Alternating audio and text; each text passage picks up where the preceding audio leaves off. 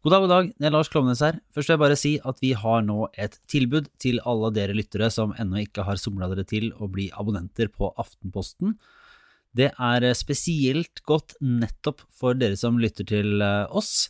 Så eh, da kan dere få ti uker digitaltilgang for ti kroner hvis du går på ap.no slash sommertilbud altså ap.no slash sommertilbud. Et fantastisk godt tilbud som eh, jeg håper mange slår til på.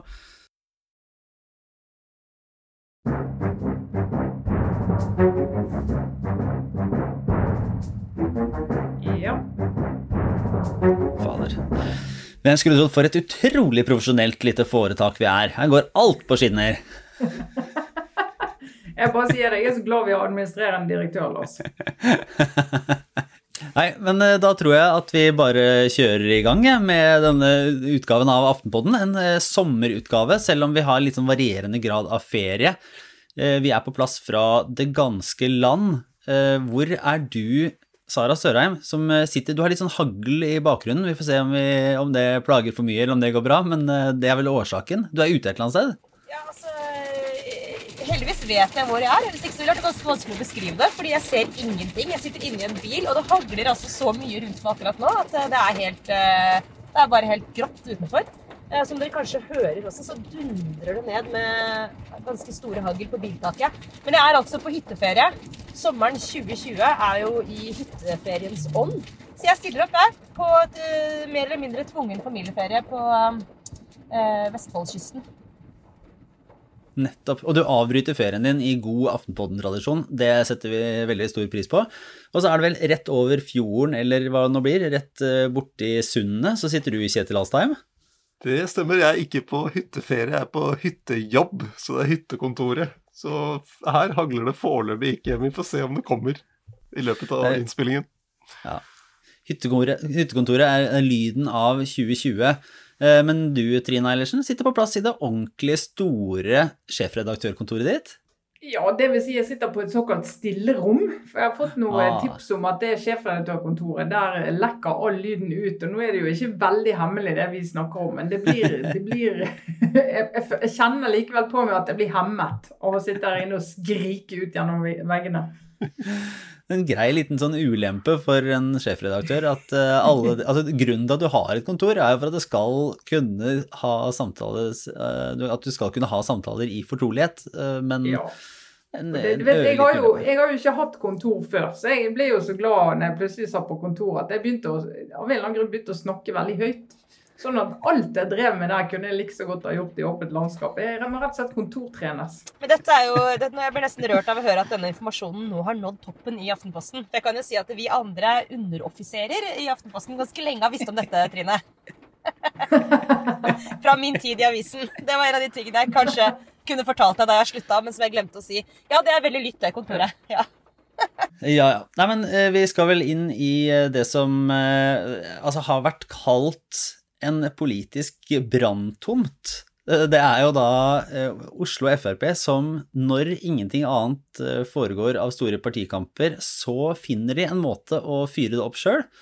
Det var jo en gang en, et slags foregangslag i hovedstaden med, med god støtte og stadig bedre valgresultater, men det begynner å bli veldig, veldig lenge siden. Og denne uka så dro den nye fylkeslederen, eh, Geir Ugland Jacobsen, i gang en, altså en liten lederdebatt, må man si, i Fremskrittspartiet, for de antyda at Siv Jensen ikke ville få topplassene på stortingslista fra Oslo før valget neste år. Og eh, da, det, er jo, det er jo egentlig en utfordring om at Og så er det egentlig en beskjed om at Siv Jensen ikke er ønska som leder. Er det ikke det, Trine?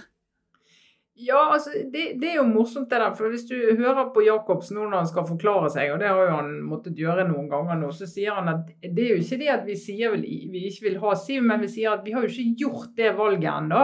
Vi må jo se på nominasjonen og se hva som er riktig da. Og vi må jo, når vi tross alt eh, har et valg, så kan vi jo ikke behandle det helt eh, rituelt. Men det er klart kutyme i et parti alle politiske partier, det er at du ikke, du ikke tar partilederen og kaster ut i, i, i et slags spill der du åpner for at nei, det kan godt hende du blir nedstemt. Det får vi jo se på.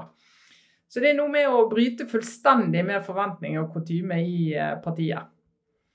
Jo, vi kan jo gå tilbake til, eh, til en runde i, som Fremskrittspartiet hadde med nettopp Oslo i 2000, år 2000.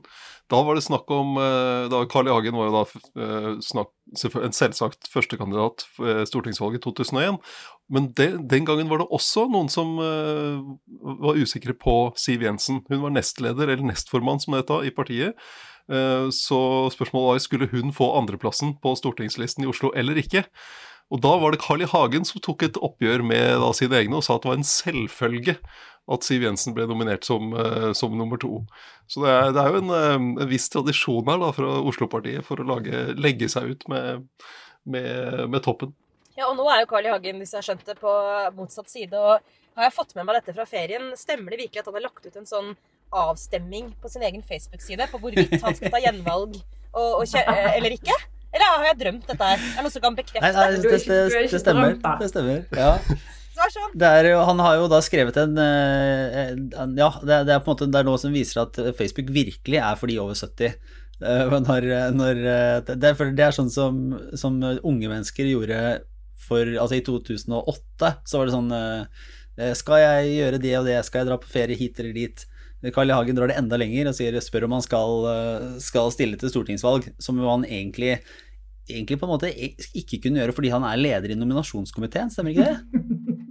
Jo, det stemmer. Han er leder ja. nominasjonskomiteen i Oslo. Så, så han, hvis han skal stille, så må han jo trekke seg fra det, det vervet. Da. Ja. Men det er jo, han sa jo på var det, når det var 2010 eller noe sånt, da han kom tilbake i politikken, at han savnet seg selv. Og nå har han vel da egentlig spurt sine følgere på Facebook om de også savner ham. Han er jo fort, altså Kjenner jeg han rett, eh, så trekker ikke han seg frivillig fra et verv. Det er ikke liksom hans greie. Han er jo fortsatt veldig sur, vel vil jeg tro, da, for det med Nobelkomiteen. Det er vel det som, eh, som på en måte aldri slipper taket. At han ikke fikk den plassen. Men, eh, men det må være utrolig frustrerende for Siv Jensen å ha den eh, gamle lederen sånn som en sånn gneldrebikkje rundt eh, anklene i alle disse årene. Men jeg skjønner ikke at hun takler det så bra som hun tilsynelatende gjør. Men, eh, men det er jo fristende å si til Carl Hagen sånn Hvil deg nå. Sånn, dra ned til solkysten når det åpner igjen. Uh, men det Ja. Nei, det er jo bare et av mange utrolig interessante elementer i det som ser ut, ser ut til å være ormebordet Oslo Frp. Som jo av en eller annen grunn ja, som bare ikke slutter rekkene. Altså, det er bare helt utrolig. sånn Samme hvor dårlig det går. Altså, og det går jo veldig veldig dårlig med Frp i Oslo. Så skal de i hvert fall ikke eh, på en måte gå inn og, være, og jobbe som et lag. Nei, Det er det siste de skal gjøre. De skal fortsette å kjempe som en liten sånn gallerlandsby helt ytterst på kartet. Og bare jeg vet ikke, til siste mann faller. Eller det er helt umulig å forstå hva slags strategi ligger til grunn for denne linja. Ja, for det skal jo sies at de har jo blitt slått ned med en gang, egentlig. Altså, Siv Jensen var først ute og sa at det her er uakseptabelt, og var, brukte litt sånn ledermakt på å antyde at uh, her, det, sånn bare går det ikke an å holde på. Det kommer ikke til å skje. Og, og, så var det jo da en del fylkeslag som var så forbanna at de egentlig kom med forslag om at Oslo Frp skulle legges ned. Uh, som jo tyder i hvert fall på at, at, hvis dette var et slags forsøk på et politisk kupp, så var det ekstremt klønete utført. For det kom jo Altså, de har jo tydeligvis ikke fått med seg noen så, så det, for det er jo faktisk litt sånn at det er spenninger i Frp så, som setter ting opp mot hverandre. Altså den klassiske liberalismen mot den mer ja, nå hva du skal kalle det nasjonalkonservatisme eller nasjonalliberalismen. Men, eh, men sånn som dette forsøket på å, å velte Siv Jensen er, så, så har det stoppa opp med én en en eneste gang. Mm. Og det, det, var jo Altså hvis man, hvis man, skulle tro at det var et eller annet på gang i Frp eh, for å f.eks. prøve å få Sylvi Listhaug inn som ny leder, så er det jo interessant å følge med på hva Frank Sve, som er leder i Møre og Romsdal Frp, gjør. Eh, og som regnes som svært nær eh, Listhaug. Og han er jo da en av de fylkeslederne som har vært med på å skrive et brev nettopp om at Oslo Frp må settes på plass, og det er i hvert fall et tegn på at, at, at hvis noen i Oslo Frp ønsket å gå den veien, så har de ikke klart å forankre det overhodet. Men så har de jo, altså Frp har jo en fin tradisjon å legge ned partilag. I, forbindelse med forrige kommunevalg så ble jo Frp i Bergen lagt ned. Altså, det er jo eh, det var rett og slett så dysfunksjonelt. Og det var så, det var så, på tvers og så lite konstruktivt. Og de, de, gjorde så mye rart at de fant ut at dette partilaget i Norges nest største by, der de også før har vært et stort parti, altså virkelig sånn eh, markert seg før, eh, det var ikke vits å ha lenger. Så de ble bare overlatt til Vestland Frp. Og det er, jo, det er, jo, et parti som håndterer spenninger og uenighet, selvfølgelig når det Alle partier har jo det i seg, men her så skjer det jo i de, det som burde vært kanskje de to største partilagene fra tidligere kjerneområder, som egentlig har bidratt til at hele oppslutningen om partier har forvitret i de store byene. Men det interessante her er jo om det Jeg, jeg bare tenkte på det med storbyene, Lars. Om det, om det er eh, pga. Eh, lokale forhold og dårlig organisering og feil folk eh, i tillitsvervet osv. i Bergen og Oslo at det, at det, skyldes mer sånne type ting, eller om det er et tegn på at eh, rett og slett storbyene har flyttet seg politisk, og at det ikke lenger er si, et marked i samme grad for FRs, FrPs politikk i storbyene. Som jo er fristende å kanskje kunne konkludere med, siden man bl.a. ser at eh, Miljøpartiet De Grønne samtidig gjør det veldig mye bedre. Men jeg vet ikke om dere andre har noen sånn følelse rundt det. Altså Er rett og slett FrPs politikk bare gått ut på dato i storbyene? Ja, Nei, det, det, som i hvert fall er sikkert, hvis vi kan ta, er at det har jo ikke hjulpet men, altså I Bergen Jeg har hørt, jeg snakket med noen sentralt i Fremskrittspartiet om, om, dette her denne uka. De sa at det er to litt forskjellige ting i Bergen og Oslo. fordi I Bergen så ble folk så De klarte ikke å samarbeide med hverandre i det hele tatt. De ble, ble uvenner, og det var, det var helt dysfunksjonelt, og det stoppa opp. De prosesser fungerte ikke.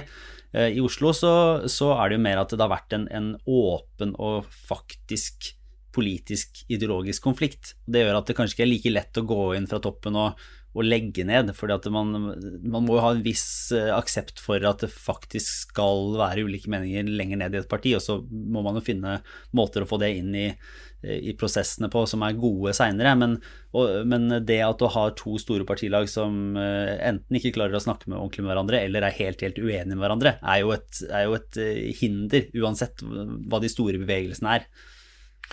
Ja, de hadde jo dette vi hadde jo denne uttalelsen fra, fra, årsmøtet sitt i Oslo Frp her eh, i ja, når var det? I vinter. Eh, om at eh, de ville at eh, eh De ville gjøre Norge til et patriotisk fyrtårn, som, eh, som de kalte det. Og med da Christian Tybring-Gjedde som en av spillerne bak det, som hadde et utspill etter kommunevalget i fjor om at han ville ha et mer nasjonalkonservativt parti å fjerne liberalistisk fra programmet, så jo, det ligger jo en spenning her om hvilken retning eh, Frp skal ta. Men det er ikke altså Det er veldig tydelig at det er en, en, gjeng i Oslo som ønsker det, og så det, har de jo ikke fått uh, noe særlig støtte fra, så, fra noen fylkeslag rundt. det er jo det som er litt altså, interessant i altså, det politiske i Frp. Da, for det er klart at Hvis du reiser på Vestlandet, til Austevoll, opp på, på Sunnmøre, uh, snakker med Frp-ere Frp der, også, de er jo ikke så, får ikke så veldig tenning av sånne her prate... Altså den eh, nasjonalkonservative prateklassens debatter, da. Om sånn eh, nasjonale og ditt og datt og innvandring. Altså, de vil ha vei, de vil ha bro, de vil ha, de vil ha ingen bompenger. Altså, det er veldig sånn, De vil ha næringsliv, de vil det skal være mulig å starte bedrift og betale lite skatt. De vil ha en kommune som sier ja og ikke nei. Altså, Det er utrolig sånn nært på hverdagen. Da. og det der er litt sånn fluffy sånn idédiskusjon i den delen av Frp som nå uh, holder på i Oslo, det, det, det, er så fjernt fra det de er opptatt av og mener at partiet skal være. Da, sånn at Det er ikke det samme partiet der ute som her i Oslo. Altså det er jo fordi deler av den nasjonalkonservative eller nasjonalliberale eller hva det nå skal hete alt sammen, har vært ekstremt opptatt av innvandring. Eh, og, og, og fulgt litt sånn i Carl I. Hagens fotspor på en del ting, og han har jo gått igjen i gangene der i noen år nå, og jeg vet jo fra flere av de som har vært inne i eller rundt regjeringsapparatet til Frp, som ikke er så opptatt av innvandringsspørsmål og den derre kultur, norsk framtid-tankegangen. Ja, ja. De har jo ikke lyst til å engasjere seg i Oslo Frp så lenge det foregår den politiske striden og det ledes av, av noen som de er uenige med. Og, og det gjør jo at eh, Frp i Oslo ikke kanskje får så flinke folk med seg som de ville fått. Og, og altså, hva som gir politiske resultater eller ikke, er jo vanskelig å si. Men, men så lenge eh, Frp gjør det markant dårligere i Oslo og Bergen enn det de gjør i resten av landet, så er det jo veldig veldig vrient å få opp totalvalgresultatet sitt i, i valgene som kommer. Fordi det tross alt bor så mange i de store byene, da. Ja, det har, har de jo, de har jo slitt Oslo har jo vært et problem for, eh, for Frp lenge. Eh, men, og så er det jo selv om uh, den, den der, hva skal si, nasjonalkonservative strømningen er jo ikke helt isolert i Oslo heller. Vi snakket jo for noen podkaster siden om denne FN-pinnen, FN-smultringen. Da var jo altså Per-Willy Amundsen fra Troms var jo en av de som var Han jo også, har jo også en del utspill i den i den kategorien, altså oppgjør med FN og klimahysteri og, og, den slags. Så det er jo ikke sånn at Tybring-Gjedde er alene her. Jeg så han var ute på Facebook. Det hender jeg bare blaffer innom Per-Willy Amundsen på Facebook og får sånn Å, herregud, tenk at han har vært statsråd. Men eh, nå sist så hadde han en lang harang om hvorfor Erna Solberg ansetter sosialister. Eh, og ramsa opp en rekke stillinger i norsk samfunnsliv hvor eh, påståtte sosialister hadde, hadde fått jobben, bl.a. kringkastingssjefen. Eh, fascinerende også at han tror at Erna Solberg personlig driver og ansetter kringkastingssjefen sånn direkte. Men, men, uansett, der er det på en måte såpass eh, drøyt at jeg Jeg vet ikke om han Eller tror du det, Kjetil, at sånn som Per-Willy Amundsen faktisk representerer en fløy i partiet, eller er han en middelaldrende mann som har mista det på Facebook og bare ranter av gårde helt sånn fritt? Altså, Hvor er han plassert i partiet? Er han og Christian Tybring-Gjedde f.eks. en Er de en falang i partiet? Altså, er de en er, Tilhører de samme miljø, liksom? Altså, Hvordan er egentlig det der? Er, de snakker i hvert fall om del, noe av de samme tingene og har et visst sånn eh, ja, visst publikum på Resett og noen utspill eh, som, eh, som treffer i det, det, miljøet, vil jeg tro. Og det er klart du finner, finner i velgergrunnlaget til Frp, så har du den blandingen av noen som har sansen for den type utspill, og så de som er, som Trine snakket om, de som er praktisk orientert om, om eh, næringsliv i eh, bygda og det å forenkle byggeregler sånn at du får bygd den som du vil ha, og øh, ny bro osv. Så, videre. så det er, jo en, er jo en sammensetning av, av ulike folk her. Men jeg lurer på om vi skal gå videre og løse et par verdensproblemer, jeg når vi først er i gang. Du har, du har litt tid på hytta, og, og det, du er jo tross alt på jobb, Kjetil. Så nei, vi tenkte vi måtte snakke litt om, eh, om Kina og, og, det som har kommet der. De har jo nå eh, fått innført i Hongkong en ny, det som vi kaller en sikkerhetslov. Og som, det er vel en slags eh, hva skal man si, omskriving, eller en, en litt, litt, sånn pussa, PR-pussa variant av hva man skal kalle det. Men det gir i hvert fall staten enorme fullmakter til å slå ned på dissidenter og egentlig ganske mye markeringer som, som ikke støtter opp under Folkerepublikken Kina. Det bør jo rykke, som, i, eh, Lars, det bør jo rykke i alles liberale liksom, indre ryggmarg eh, når man hører ordet sikkerhetslov. Det bare klinger ikke bra. Du veit at det, det, der, det der er ikke noe Dette her er, det er ikke en bra ting å ha. Eh, sannsynligvis. Og det er det jo heller ikke for det i dette tilfellet.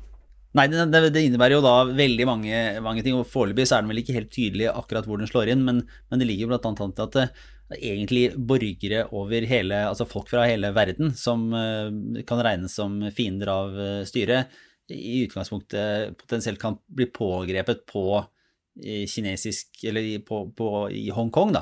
Eh, som gjør at det kan være vanskelig for utenlandske journalister, det kan være vanskelig for utenlandske politikere.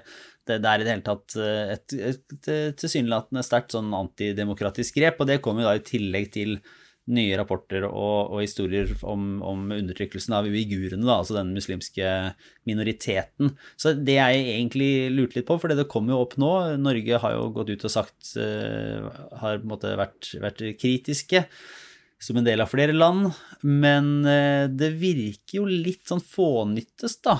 Og jeg lurer på hvor mye effekt det har at eh, Norge rekker handa i været og sier hei, hei, hei, eh, hva er det dere driver med? Ikke minst etter at vi også inngikk en avtale som vel sa at Norge skulle være en konstruktiv støttespiller og, og, og sånn i forbindelse med dette fryseboksscenarioet der Norge etter hvert fikk forhandla seg ut. Så hva, hva, tenker dere om hva Norge kan gjøre i en så stor og vanskelig internasjonal sak? Jeg syns det er vanskelig å se hva verden egentlig kan gjøre, altså med, særlig med, med, sånn som verden ser ut nå, da, med eh, Så du kunne tenke deg at Vesten snakker på en måte med én stemme, men når du har, eh, har Donald Trump som, eh, som, president i USA, så blir det jo et mer eh, Hva skal vi si litt, mer, litt mindre koordinering. Så, så illustrerer det også det å stå alene mot, uh, mot, Kina, det for et lite land er vanskelig og ikke så lett, selv om det er et større land. Du har sett hvordan, uh, hvilket press Canada har uh, havnet i med den Huawei-saken. Og hun Huawei hva hun var, direktør eller hva det var, som ble arrestert i, i, i Kina, nei, i Canada.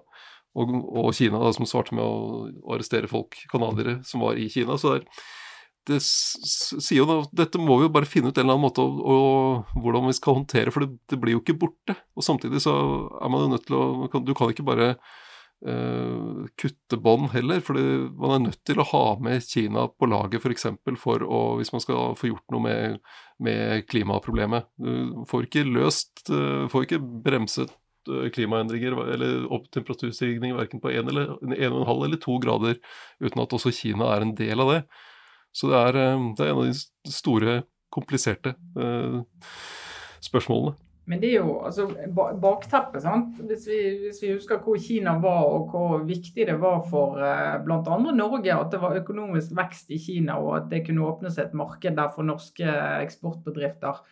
Eh, og alle så jo for seg dette milliardmarkedet, bokstavelig talt, eh, som man kunne komme inn i. Og da tror jeg nok mange altså vestlige politikere har tenkt at altså, det, er jo, det, er jo, en del eh, plunder sånn politisk og frihetsmessig og alt dette, men det vil jo gå seg til, for erfaringen tilsier at land som har økonomisk vekst, der kommer på en måte demokrati og kravet fra innbyggerne etter hvert.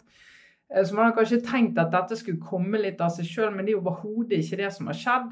Eh, og nå har vi en eh, stormakt, en politisk og en økonomisk stormakt som Kina. Altså, Kina er en veldig viktig forklaring på at det norske oljefondet er så stort som det er. Da oljeprisen gikk opp som følge av Kinas etterspørsel, så pøste det jo inn eh, kroner i det norske oljefondet.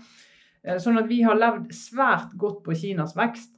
Eh, og nå klart står vi der og ser at Kina har jo ingen intensjon om å gå i en vestlig demokratisk eh, retning på den måten som vestlige demokratier har vært vant til at vi kunne overtale resten av verden til å gjøre mer eller mindre haltende. Eh, de kjører sitt eget opplegg, og de har en makt nå som gjør at du kan ikke bruke normale pressmidler heller, for da blør jo vi sjøl. Vi ser jo det når vi blir straffet av Kina Kina driver med spitt og hersk. Eh, de setter ett land i fryseboksen og så er et annet land inne, så det gagner et land hvis Norge ikke selger varer dit. Så er det et annet land som får solgt varene sine dit. Sånn at Det krever ufattelig avansert internasjonalt samarbeid. og Akkurat nå er jo ikke det internasjonale samarbeidet særlig sterkt, så det er en kjempemulighet for Kina nok en gang at det halter så veldig i de internasjonale organisasjonene. Det som den observante lytter kanskje har oppdaget nå, er at det har skjedd noe litt rart i, i uh, dagens podkast. Fordi vi har mistet Lars. Eh, rett og slett, Lars Glomnes forsvant midt under en samtale om Nei, altså, dette går jo an å Han, eh, han påstår nå at det kan ha vært torden som har slått ut et eller annet hjemme og sånn, men vi, vi tenker nå bort. Men det, men det, vi gjør, vi slutter med en gang å snakke om Kina. Vi går over til noe mye mindre betent, eh, nemlig eh, dommen mot eh, Gaute Drevdal som falt i forrige uke.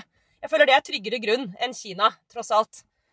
Nå vet jeg ikke om dere to, eh, Trine og Kjetil, har lest, eh, rukket å lese den dommen. Den er veldig veldig lang. Den er på over 50 sider, faktisk. Eh, har, dere, har, dere vært, har, dere, sett på den? Nei. Nei. Så fint. Da kan jeg endelig briljere litt med, med både da mine eh, påståtte programlederskills, i og med at jeg nå kuppa eh, Lars. Eh, pluss at jeg har egentlig behov for å bare si litt om den dommen, for den har jeg nemlig lest. Og det, det er et uhyre interessant lesestykke. Nå er det sånn at dommer de er ikke offentlige på samme måte som eh, en del annen informasjon. Altså det er et offentlig dokument, men dommene publiseres ikke i avisene fordi bl.a. det inneholder mye, mye personsensitive opplysninger. Men, men, de er jo tilgjengelige og kan leses eh, hvis man har grunn til å F.eks. at man er journalist, så får man tilgang til dommen. Og som sikkert mange eller alle av våre lyttere har fått med seg, så ble jo da eh, den eh, tidligere omtalte kulturprofilen, som nå har blitt identifisert, altså eh, som Gaute Drevdal tidligere, tidligere redaktør i Natt og Dag, han ble dømt til 13,5 års fengsel for ni tilfeller av seksuelle overgrep og voldtekt. Det var jo en sjokkerende streng dom for mange. Eh, men når man leser selve dommen, så begrunner jo dommeren veldig, veldig godt hvorfor hun landet på en så, så streng straff. Men det jeg hadde lyst til å bare diskutere med dere, er jo litt det perspektivet som legges til grunn i den dommen. Fordi, bare en kjapp sånn oppsummering, så, så var det, og fascinerende nok, i denne rettssaken, som vi også så i både Weinstein-saken og i saken mot den svenske såkalte kulturprofilen, Jean-Claude Arnault.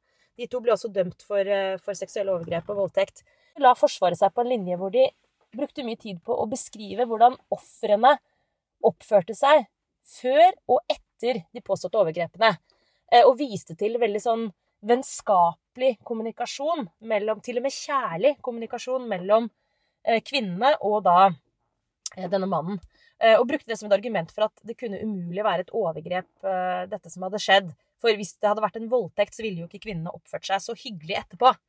Eh, litt sånn halvveis upresist oppsummert. Det er jo selvfølgelig varianter i alle sakene her, men det ble tema også i Drevdal-saken. Og det ble altså fullstendig avvist av dommeren, som bare konstaterer at det er egentlig irrelevant når, en, når man juridisk skal vurdere om et overgrep har funnet sted, hvordan et offer har oppført seg før og etter det er faktisk ikke liksom noe som ble tillagt noe som helst vekt. Altså, ikke bare engang ikke tillagt vekt. Det ble fullstendig avvist av dommeren som relevant i vurderingen av saken.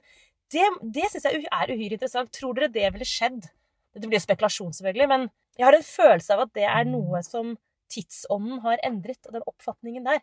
Jeg lurer på om det ville skjedd liksom før 2017, før metoo. Ja, altså jeg syns det er et veldig spennende perspektiv. Og hvis det blir stående igjen etter 2017 og metoo-kampanjen, eller hva vi skal kalle det, folkebevegelsen, så, så har vi jo virkelig vunnet, vunnet, land her. For det har jo vært eh, Det er jo en grunn til at disse forsvarsadvokatene bruker det som argument i sak etter sak. Det er jo fordi at det har jo vært et argument før. Det var jo, men dette kan jo ikke ha vært så så skadelig og traumatiserende som hun plutselig nå gir inntrykk av, da det gikk så greit dagen etterpå, uken etterpå, hun sendte hyggelig e-post. Eh, og, og, som jo alle som har vært i nærheten av, av, den type overgrep, vet at det finnes ikke nødvendigvis sammenheng mellom altså hvis du blir voldtatt på åpen gate og slått ned og skadet må på legevakten, og alt det, så klart du driver ikke og sender hyggelig e-post i noen slags retning, men det er ikke det vi snakker om her. Vi snakker om andre typer overgrep og utnyttelse av situasjoner som gjør at kvinner eh, tar et valg etterpå at OK, skal jeg, skal jeg, lage et stort nummer av dette her og ikke komme noen vei og bare miste vennene og jobben og ungdomskretsen min, eller skal jeg bare gå videre? Skal jeg bare gå videre? Og så er det veldig mange kvinner som velger det siste, men det betyr ikke at overgrepet ikke har skjedd. Og det at det mm. nå blir, blir sett vekk fra i disse sakene, det syns jeg er veldig interessant.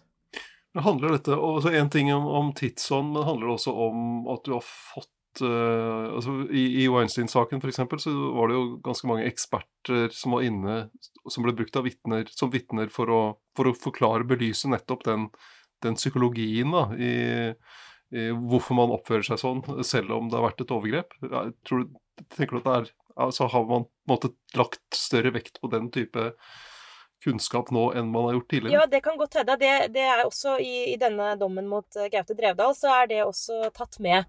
Eh, uttalelser fra profesjonelle som, eh, som, som, nettopp eh, slår fast at, um, at det er egentlig ingen måte, gal eller riktig måte å reagere på etter å ha blitt utsatt for et overgrep. Du kan finne alle mulige slags mm. varianter, uh, og viser til at du må lete andre steder når du skal uh, gjøre en vurdering av uh, om den hendelsen har vært et overgrep eller ikke. Så, så er ikke det reaksjonsmønsteret hos offeret er ikke et relevant sted å lete. Eh, og, og, for meg som uh, leste dommen, så ble jeg sittende igjen med en følelse av en sånn Hva skal jeg si Egentlig en enorm lettelse. Og jeg vet ikke om jeg snakket på vegne av flere enn meg sjøl, men den derre følelsen av at som kvinne så har man et ansvar for å ikke liksom oppføre seg på en måte som gjør at man kan bli utsatt for seksuelle overgrep. Og nå snakker jeg ikke om å gå på utrygge steder og sånn. Jeg mener, Den typen eh, forsiktighetsregler er det fornuftig av alle å ta. Men, men, dere skjønner Du snakker om å gå på jobb? Ja, ikke sant? Jeg snakker om å være i gåseøynene den typen kvinne. Ikke sant? Det at det finnes en kvinnerolle, en måte å oppføre seg på, som er litt sånn Den typen kvinne som Å ja, du er en sånn en. Da er du liksom Ja. En, en, en sånn mer eller mindre skyldfølelse. Ja, altså, hun, ja. Det var jo hun advokaten til Weinstein. Hun sa jo det, hun forsvarsadvokaten til Weinstein sa jo det at For hun ble jo spurt da i uh, The Daily-podkasten til New York Times om, om, hun noen gang hadde opplevd noe så lignende på dette.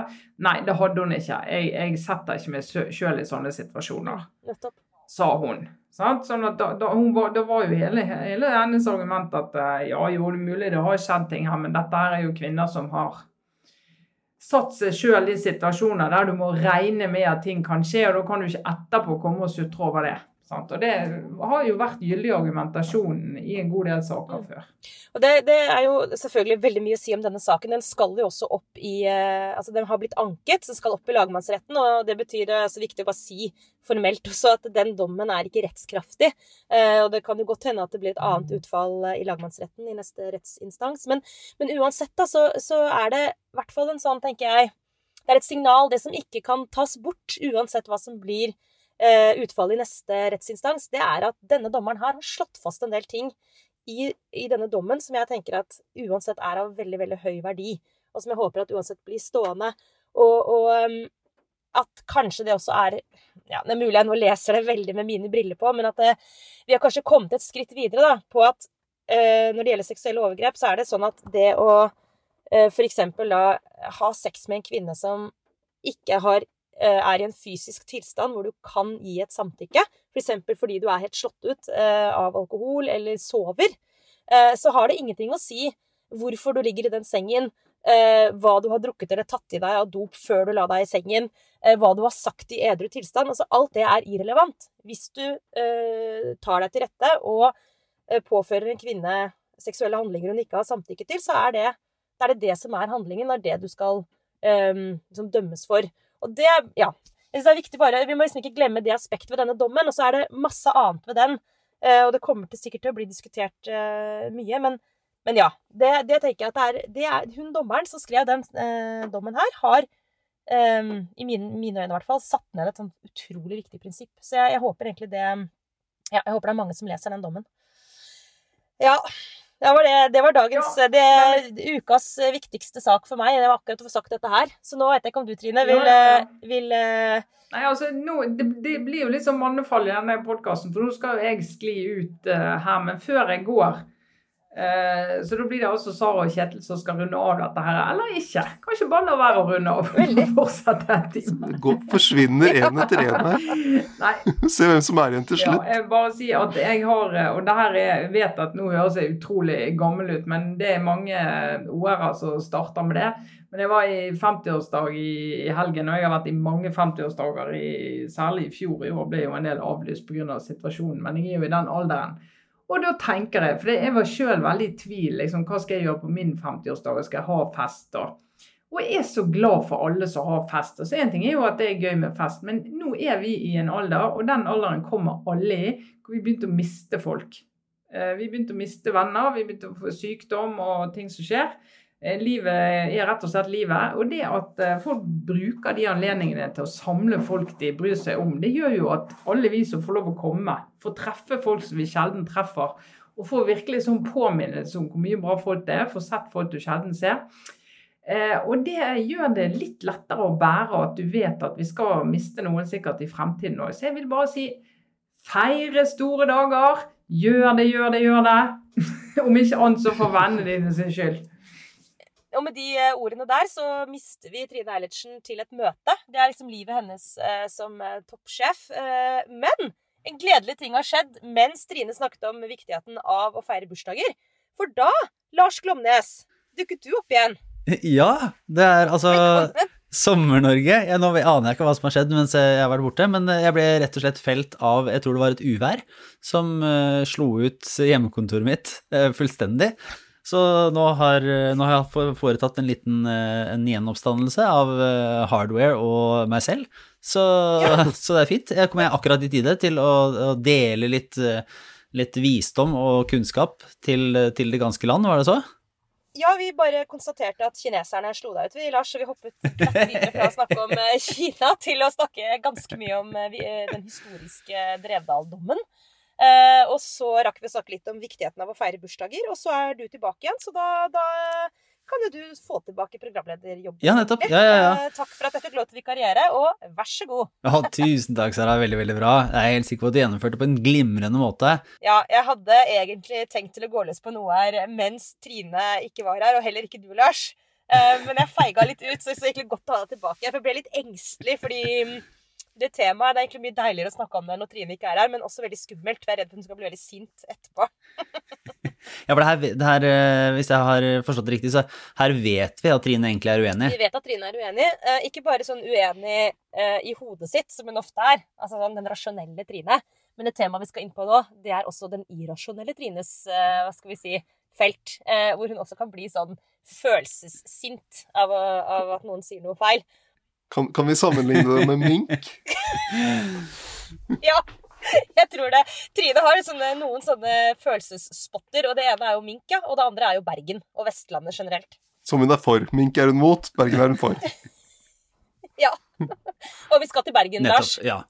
Eh, Du, får- du får bare fortelle hva dette dreier seg om, du, da, som, har, eh, som vi er villige til å driste deg ut på det. Så skal vi se om jeg kan backe deg eller ikke.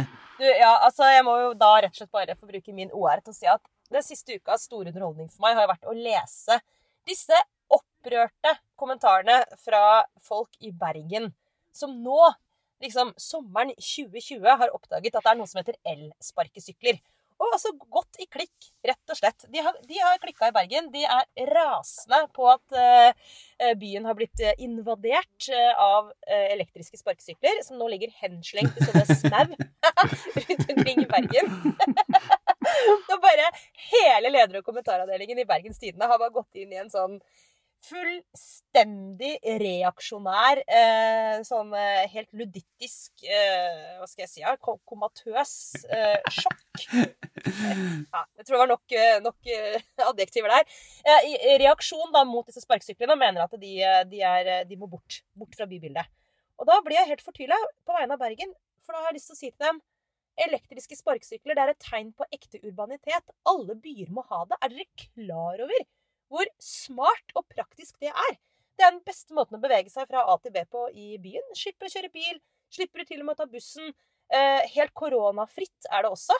Eh, så slapp av, liksom. Det her er jo et, et supert framskritt for Bergen. Jeg unner dere å endelig, litt etter oss andre, ha fått elektriske sparkesykler. Gratulerer, Bergen. Men, men altså, det å komme seg fra A til B, må de ligge strødd også mellom A og B? Det er det jeg lurer på. Ja, ok, det, der, det må jeg jo for så vidt eh, innrømme at det er faktisk ganske irriterende når de ligger sånn slengt i veien. Det syns jeg. Men det handler ikke om elsparkesyklene. Det handler på en måte mer om vanlig folkeskikk. Altså, Man må ikke slenge fra seg Jeg slenger jo ikke sykkelen min midt ut i veien heller når jeg har kommet fram et sted. Jeg setter den jo pent inntil husveggen. Så jeg mener, det, det, det må man liksom lære seg. Men, men det er liksom ikke Det er ikke, det er ikke elsparkesykkelen. Eh, Det er jo bare at bergenserne ikke klarer å rydde opp etter seg. Det er, det er det de må i så fall liksom ta tak i, da. Eh, Ikke selve transportmiddelet. Nei. Eller hva syns dere? Er dere sånn Jeg er jo helt enig med deg. Jeg, jeg mener at eh, det er, det er Altså, Åh, det er ma Mange går jo inn i første møte med elsparkesykler, der skal jeg innrømme at jeg også var, var litt skeptisk. Fordi det er noe liksom latterlig over hele framkomstmiddelet. Men for et eh, Det er veldig mye mer effektivt enn eh, mye annet. Går kjempefint. På varme sommerdager så slipper man både å tråkke eh, og, og stå inne på trikk. Så jeg hadde en eh, sjelden tur ned i Oslo sentrum her for et par uker siden, og tok med stor, stor glede en elsparkesykkel eh, hele veien opp gjennom byen, og kjente på både byliv og sommerglede. Så jeg tenker at det må da gå an å få folk til å, å ikke hive ting rundt omkring og oppføre seg som idioter uten å forby elsparkesyklene helt. Og så er det kanskje noen små nyanser for, for den liksom driften og kvalitetskontroll og, som burde ligge i bånn der, da. Men, eh, men eh, framkomstmiddelet seg selv, alle mulige tomler opp. Åssen er det med deg, Kjetil? Jeg ser det. Det er liksom vanskelig å se for seg at du skal eh, Jeg tenker at du skal være en sånn elsykkelfyr. Ja, ja. ja, når du sier det, så. ja, men det er altså, eh, Dere har jo tro på menneskeheten her, og tror at folk kan eh, liksom, rydde opp etter seg og sette disse elsparkesyklene ordentlig unna og ikke legge dem rundt omkring på fortauer. Men ja, erfaringsmessig så er det jo ikke sånn at alle klarer det. Og så er spørsmålet hvis man da skal ha mer sånn at du må sette på sånne parkeringsstativer og sånne ting, vil det da bare ødelegge vil- hele konseptet? Nemlig med at du, du kan sette den fra deg hvor du vil. Jo, men du kan jo sette den fra deg liksom inntil en vegg hvor du vil. Bare ikke midt på fortauet. En gang så jeg, og det, det må jeg si da, han var en helt for meg, en meget velkledd eldre herre i Briskebyveien, der jeg bor, som eh, med stokken sin eh, slo vilt løs på en sparkesykkel som sto sånn midt på fortauet.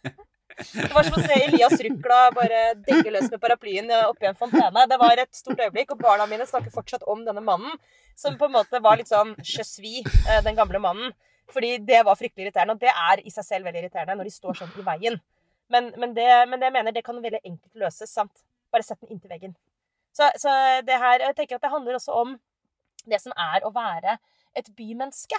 For i byen Og det er kanskje det som er problemet til bergenserne. da, nå, nå, Om de ikke har blitt sure allerede, så blir det i hvert fall nå. Det er bare at du må lære seg storbymentalitet. Og det er rett og slett at du er aldri alene. Og du må alltid ta hensyn til andre mennesker. Hele poenget med byen er at eh, det er veldig nyttig og flott å bo tett på andre mennesker. Du får masse igjen for det. Men det betyr at alle må også ha andres perspektiv med seg hele tiden. Sant? På landet kan du sikkert slenge en eh, traktor midt i veien, og det kommer ingen på tre dager. Det kan du ikke gjøre i byen. Så det må de lære seg i Bergen. Sett den inntil veggen. Å nei, nå vet jeg det blir mange sure. Merket det med en gang. Men uansett, da. Ja. Bare, bare litt, sånn, eh, litt sånn ABC i Mm. sparkesykling, så skal det her gå helt fint. Eh, ja, nei, men da Vi venter bare på telefonene som kommer, i. Eh, så skal gå bra. Yes, da går jeg tilbake til hytta, og så bare kommer jeg aldri tilbake i offentligheten igjen. Så bare send meg et brev. Hvordan var det med deg, Kjetil? Har, har, har du allerede anbefalt noe, eller hatt et eh, tema oppe eh, som du har fått lettet, eh, lettet av brystet, eller er det, Så er det din det jeg syns er litt interessant, det er liksom, det blir jo litt sånn når, vi, når den politiske journalistikken lander inn mot sommeren, så blir det mye snakk om uh, regjeringsalternativer, hvem skal samarbeide med hvem osv. Uh, som en sånn oppvarming til neste års valgkamp, som jo er eh, vi som politiske reportere, kommentatorer og journalister og sånn syns er kjempegøy, eh, og som jeg tror velgerne syns er sånn middels, i hvert fall ett år før valget. Men det jeg lurer på, er jo om partiene kommer til å ha lært noe av den runden som KrF og Venstre eh, gikk gjennom, med da eh, Venstre som før forrige valg var sånn ganske tydelig på at de ikke skulle gå inn i regjering. Veldig tydelig oppfattet noen, og det var liksom varierende grad av tydelighet. Noen var helt sånn kategoriske på at de skulle ikke gå inn i regjering med Frp. Andre eh, passet på å minne om en, altså ha en sånn viss sånn åpning, som det jo egentlig lå i det landsmøtevedtaket de hadde. Eh, og KrF hadde sitt ikke gå inn i, i regjering med Frp, og så fikk man jo det hele den høsten som vi husker, høsten 2018. Eh, så spørsmålet er, er vil partiene lære noe av det og prøve å takle dette på en annen måte ved å si at eh, altså, de skal prøve å gjøre, få mest mulig ut av stemmene sine når de ser hvordan det politiske landskapet Jo, i Stortinget blir. Ja, altså nå, nå var jeg frista til å for en gangs skyld prøve å ta på ikke-journalistblikket. Fordi ja, vi, vi har partiene lært noe av det? Eller så kan man bare si sånn, har vi lært noe av det i pressen, da? For det er jo alltid journalistene som driver frem eh, måte, og tvinger veldig mange til å hele tiden skulle svare på spørsmål om regjeringskonstellasjoner. Altså eventuelle eh, som sådan. Mm. Så hvis vi bare slutta å mase om det, så ville de sluppet å da, altså, Skjønner du hva jeg mener? Det er litt eh, Ja. Ja, jeg skjønner, ja, det er, og det er helt riktig. jeg tenker det er, eh, Samtidig som mener jeg Så det er jo en sånn dobbelthet. da, og Så er det, er det riktig av partiene å egentlig uh, male seg inn i forskjellige hjørner. Uh, det, det er én vurdering. Og så er spørsmålet er det riktig av oss å stille spørsmålene. Og det syns jeg jo egentlig at det er. fordi det er, det er, liksom, det er jo interessant om hva slags altså Vil Arbeiderpartiet åpne opp for regjeringssamarbeid med Rødt og Miljøpartiet De Grønne f.eks., som jo skaper eh, spenninger internt i det partiet. Vi så det foran forrige valg, vi ser det nå, der Støre er eh, kategorisk på at eh, det er ikke aktuelt. Og så ser du det som vi snakket om forrige uke også, eh, Trygve Slagsvold Vedum, Senterpartilederen, som greier å håndtere dette på en litt annen måte. Ved å bare si de skal ha en Arbeiderparti-Senterparti-basert regjering, og ferdig med det, vil ikke snakke om noe annet. Så det er, eh, ja. Men det, de, partiene har jo litt forskjellig utgangspunkt her for eh, hvor de er i det Og politiske at landskapet. som velger er det jo faktisk et poeng å vite uh, hvilken vei partiene har tenkt til å samarbeide. Altså Det er relevant informasjon når man skal gå til, eh, til uh, valgurnene. Fordi det handler jo til slutt om hvem som får regjeringsmakt. Mm. Så jeg er jo egentlig enig med deg, Kjetil, i at det er relevant å stille de spørsmålene. Uh, men, men jeg kan jo forstå innimellom at, at det kan være en viss sånn følelse av slitasje, og liksom at det blir litt matt av det på andre siden av streken også, da. At veldig mye av den politiske journalistikken handler om disse konstellasjonene, når de kanskje gjerne skulle snakket litt mer om sak. Men, eh, men at de skal slippe helt unna, det mener jeg, det, det syns jeg ikke. Eh, de må være forberedt på å kunne svare på Det er et relevant spørsmål å stille. Hvis du ser på Venstre og eller KrF på den tilnærminga de hadde sist, at de vil se at det var feil, at Venstre f.eks. ville sagt De endte jo opp med å å, å, gå inn i noe som de i utgangspunktet sa at de ikke skulle, skulle inn i. Eh, var, var det, det, tenker du at de ser etterpå at ja, vi skulle kommunisert det på forhånd? At det hadde fått mer støtte eller vært, ja, eller vært, bare vært redeligere? Da. Det er jo en annen debatt, egentlig. Jeg tror de er, eh, det, var, det var viktig for dem å, å si tydelig hvilken statsminister de ville ha. Og du så det, altså Venstre var tydelig på det lenge, KrF var tydelig på det helt til slutten, der Knut Arild Hareide til slutt kom ut og sa at altså var en, veldig tydelig rett før valget på at de skulle ha Erna Solberg som statsminister. Og Det tror jeg er, det er en sånn avklaring som velgerne trenger. altså Hvilken statsminister får jeg hvis jeg stemmer på det partiet? Og så ble, for Venstres del, da, ble det det at de ble oppfattet som tydeligere i avvisningen til, av Frp enn det landsmøtevedtaket deres egentlig var, gjorde at de tapte troverdighet etterpå. Og også at folk internt i partiet hadde oppfattet det som mye tydeligere, og dermed hadde gått ut i valgkampen og vært veldig tydelig. Så det, det er i hvert fall sånn at begge de partiene og noen andre kan, eh, kan ha litt å lære av den prosessen der. da. Hvordan skal de kommunisere? Både være på en måte tydelige om hva de ønsker, og hvilken retning de vil gå, men, også, men samtidig ikke skape problemer for seg selv etterpå. For poenget for disse partiene må jo være å få mest mulig ut av det, de stemmene de har fått, og bruke den makten de da eventuelt måtte få Spørsmålet er kanskje om det er for å få, få altså, Arbeiderpartiet har jo endt opp i en posisjon der som de, de som det største partiet må drive og avgrense seg, eller har drevet og avgrensa seg, da, og sagt at de ikke vil sitte i regjering med eh, med Rødt ser ikke fortsatt kan sitte i regjering med MDG. Altså det er, være sånn strenge der Erna Solberg var jo hele veien sånn vi vil sitte i regjering med alle, og hadde det sånn sett enklere. Men eh, er det sånn at Arbeiderpartiet må være så tydelig, tror du, fordi de ikke, av en eller annen grunn ikke stiller så sterkt til at det er et mer uoversiktlig landskap? Eller kunne de valgt samme strategi som Erna Solberg? Jeg merker at det var en veldig eh, stor debatt, men det var så interessant. Ja. ja, det var det. Ja, nei, du så i hvert fall at det var vanskelig for dem sist, eh, med reaksjoner da i, i LO, deler av fagbevegelsen, på, på det å overhodet åpne for et samarbeid med, med MDG. Uh, og også da, da, Støre hadde en viss åpning mot Venstre og KrF, så var jo det også sterke reaksjoner uh, den, mot det den gang.